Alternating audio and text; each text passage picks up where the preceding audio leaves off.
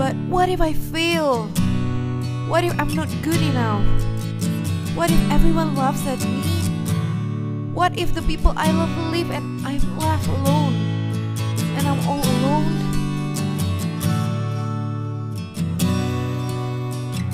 Hi everyone! Welcome to our educative and lifestyle podcast. This podcast will talk about career, family, and lifestyle. Offer you an insight and dare you to change your perspective. Because in this podcast, every word counts. Little Ice Queen 11th episode. Hi DSs, how are you all today? How is your week so far? I'm having a productive week so far here. And I always remember that progression and not perfection. How about you all? Are you all having a productive week or exhaustive week? Either way, let us take in the time to stop, rest, look around you, and be grateful. Anyway, today we are approaching the last part of chapter 3. While money, time, and space are the reason given most often for not choosing must, there's another fear that's far scarier and spoken much less. What is it? Let's begin our reading of the day. Vulnerability. Choosing must means that you have to confront some very big fears. It will make you feel vulnerable. You might find yourself wondering if people you love will leave, if places will no longer feel the same, or if you will be all alone. You might ask what is all for? Some obscure dream? A childhood fantasy? A fleeting feeling that you can't even really understand or explain? It's here, standing at the crossroads of should and must, that we feel the enormous reality of our fears, and this is the moment when many of us decide against following our intuition, turning away from that place where nothing is guaranteed, nothing is known, and everything is possible. The what are you so afraid of list? Grab a piece of paper and write the number 1 through 10 on the left side of the page. At the top, title it What Are You So Afraid of? This is your worst case scenario list. This is your list of fears, ultimate doomsday concerns, and everyone is going to laugh at me and run the other way scenarios. These are the largest, scariest fears, and you've got 10 minutes to write them down. Start and go! Now, let's get realistic about these fears. Because often fears in our mind can be like sap, sticky, and very difficult to remove. But fears on paper, tangible, it's visible, cross-outable.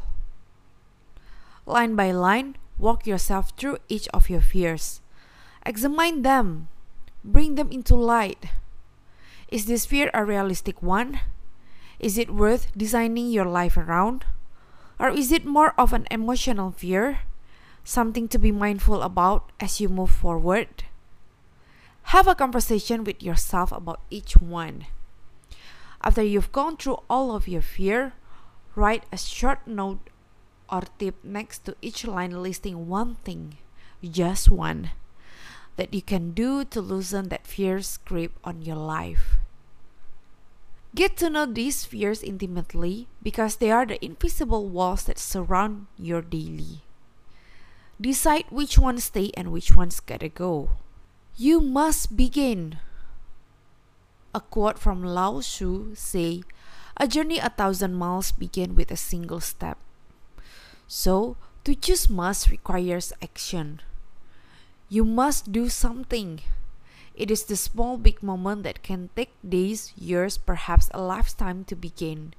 And when you are ready, you choose it by doing something, anything, regardless if it is big or small. And just like that, you are on the road to must. To choose must is to write that idea down, ask that question, grab that coffee, listen to that song, book that trip, lay out the tools, brainstorm on that topic, Block off 30 minutes to do that thing you've been putting off. Make that first mark. Have that conversation. Lay out those colors. Find that old box in storage. Clear off the desk. Open to a blank page and commit to writing for 15 minutes. Play one chord. So the question is what is one action that you can take to honor your calling today? Just one, it might only take five minutes. If you find yourself peering over the edge of the Adam's cliff where you can't see anything down below, back up. Don't make the leap. Because while this journey asks you to surrender to the unknown, it doesn't ask you to put yourself or those around you at risk.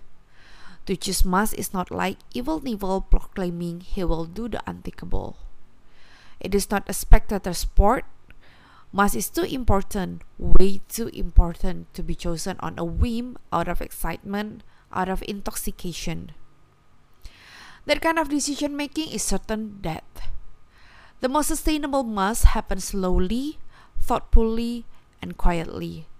They don't happen impulsively, but are built with a sober, calm intention. Every decision you make counts. 10 minutes of solitude, one must instead of one should, setting up your space, writing your wants down and pinning them to the wall. Must is not a faraway land that you hope to arrive at sometime in the future. It is not for tomorrow or another day. Must is today and now and you take daily action, the cliff will cease to be a cliff. It will simply become an obvious next step along your path to must. So now what? Just get up and work every day? Yes. Alone? Most likely? For what? Unclear. For whom? Yourself? For how long? No one knows. Why? because you've got to. But what if I fail? You will anyway. And then what? You get to decide if you keep doing it. Is this a bad idea? There is no such thing. But what if it's horrible? Stop doubting and start doing it. Will we have this conversation again tomorrow? If you wish, where does it all lead? grab the nearest tool, work, and in time you will know. Alright, that's the end of our chapter 3, guys. So, being afraid, being vulnerable are the nature of human being. And it's common amongst all those people who are chasing their must. So we need not ignore the feeling because it is normal. However, it is our decision whether to make our vulnerability to get in our way or you can turn it into our strength in order to reach your must. No one can put a stop of being vulnerable unless ourselves. Like for example, me myself, I have my own vulnerability even though I'm doing my must. I have this kind of thoughts whether this must is my own must or my own imaginary. I need someone to validate my idea just to obtain the peace of mind. But again, there is no one ever walked through your path before. The only way is to keep searching, keep doing, till we reach the point of why I'm exist in this planet. Anyway, vulnerability happens all the time in every step of our way, right? Regardless the decision is right or wrong, we are all learning. If it is right, great, go on. If it is wrong, accept it, learn, and most importantly, get up. I once read this quote from a friend of mine. It says, Being an entrepreneur is a great thing because you get to make mistakes and nobody can judge you. I was like, wow, this friend of mine is insane. She said, You get to make mistakes, and it's a privilege Crazy, right? But that was it. That was the moment of truth where suddenly I changed the way I see things before. where I see mistakes as a horrible things, now I see mistake as my privilege because I'm doing my own must and nobody can judge me because somebody knows better than myself. Because you walk the path, not anybody. And it's all of a sudden it power up my day to keep going on what I'm doing. So the real question is what is your fear? What does fear do to you right now? Is it eating you up? Or is it like my friends say that it becomes a strength, it becomes a privilege? Your fear becomes a privilege over to your life, to your must. Have a conversation with yourself. List all of your fears, but most important thing, write that one call action button to eliminate your fear and once again see the magic happen later on. Alright, thank you for listening and loving this podcast. Don't forget to follow us in our social media page Facebook, Twitter, Instagram, at Little S Queen. And anyway, we are having a secret giveaway during the ads. If you ever encounter that, you might want to uh, join our giveaway. There will be more each month, there will be one. So stay tuned at our social media page, especially our Instagram. Or you can say hi to me personally at Teresa Churchill.